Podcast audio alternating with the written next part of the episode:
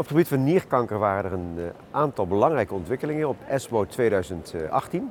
De belangrijkste denk ik was de Javelin 101-studie.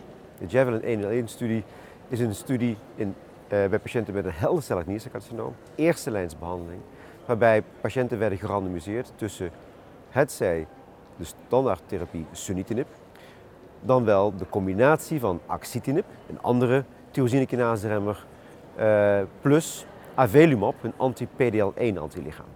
De reden voor deze fase 3-studie was omdat in fase 1-studie al was uh, gezien dat dit een hele hoge kans op een effect had bij patiënten. Meer dan 50%, 55% van de patiënten had duidelijk voordeel van deze combinatie met duidelijke afname van, van, uh, van tumoren.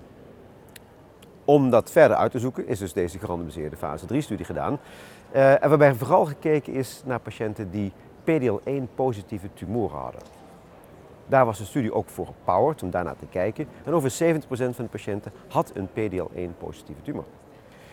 Nou, wat was nou de uitkomst van deze studie? Eén. Het, misschien even goed om te zeggen dat uh, de, het primaire eindpunt is zowel progressievrije overleving als ook overall survival, totale overleving. Op ESMO werd alleen de progressievrije overlevingsdata getoond. De overall survival data zijn er nog niet, omdat daarvoor de studie nog niet matuur genoeg is. De belangrijkste bevinding was dat er een overlev overlevingsvoordeel was voor de combinatie avelumab plus axitinib ten opzichte van sunitinib, progressievrij overlevingsvoordeel, uh, bijna een verdubbeling van die uh, PFS-termijn tot bijna 14 maanden. Dat was ook gezien in de totale populatie, dus niet alleen voor de PDL1-positieve, maar ook voor de totale groep uh, is er een overlevingsvoordeel. Iets kleiner, maar nog steeds uh, zeker uh, een interessant verschil. Het wachten is natuurlijk toch op de overall survival gegevens. Als we kijken naar de overall response rate, was het ook bijna twee keer zo hoog in de combinatiearm ten opzichte van de sunitinib-arm. Interessant is nu dat eigenlijk tijdens het ESMO-congres er een uh, persbericht kwam van een bijna vergelijkbare studie, namelijk uh, de studie waarbij axitinib werd gecombineerd met pembrolizumab en werd vergeleken met sunitinib. Ook deze studie is positief. Met andere woorden, ook deze studie laat een progressievrij overlevingsvoordeel zien, maar ook een totaal overlevingsvoordeel zien uh, van, van de combinatie. Dat geeft eigenlijk aan dat de combinatie van een checkpoint-remmer met een uh, tyrosinekinase-remmer voor patiënten met een heldercellig niercelcarcinoom waarschijnlijk de toekomst gaat worden als eerste lijnstherapie. Er zitten nog wel een aantal caveats uh, hierbij. Want wat we natuurlijk niet goed weten, is wat moet je nou doen met patiënten die onder deze combinatie progressief worden. Die hebben dus beide middelen al gehad.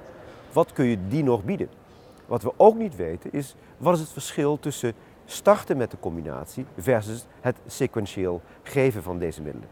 Zou dat leiden tot misschien wel dezelfde totale overleving? Nou, dat zijn gegevens die natuurlijk allemaal nog moeten worden uh, uh, verzameld. En we hopen daar natuurlijk in de komende maanden verder informatie over te, over te krijgen.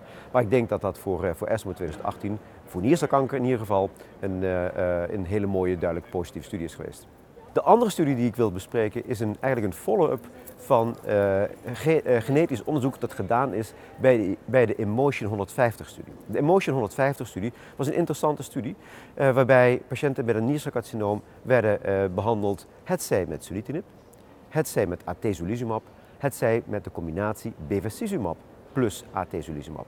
Een fase 2-studie, gerandomiseerd, waarbij ook vooraf materiaal genomen is voor wat we noemen gene expression profiling. Met name is gekeken naar RNA-signaturen uh, uh, en gekeken werd of die RNA-signatures voorspellend waren voor de respons op behandeling. In die studie werd gevonden dat er eigenlijk drie soorten RNA-signatures konden worden gevonden. Ten eerste een angiogenese signature. En het bleek dat patiënten die sunitinib-behandeling kregen duidelijk een voordeel hadden als ze dat signature hadden. Dus dat was de beste behandeling voor, voor die groep. Daarnaast was er een groep patiënten die had een immuunsignature. En je had een combinatie van immuunsignature en een myeloid signature. Uh, de patiënten die een immuunsignature hadden, hadden de meeste voordeel van atezolizumab. En daar leek bevacizumab niet echt uh, iets uh, aan toe te voegen.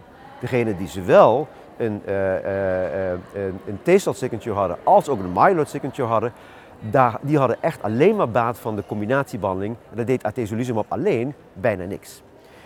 Dit, deze genexpressieprofielen zijn vervolgens getest in de Emotion 151-studie. Dat was een fase 3-studie, waarbij opnieuw gekeken is naar patiënten die behandeld werden met sunitinib, dan wel met de combinatie bevacizumab plus atezolizumab.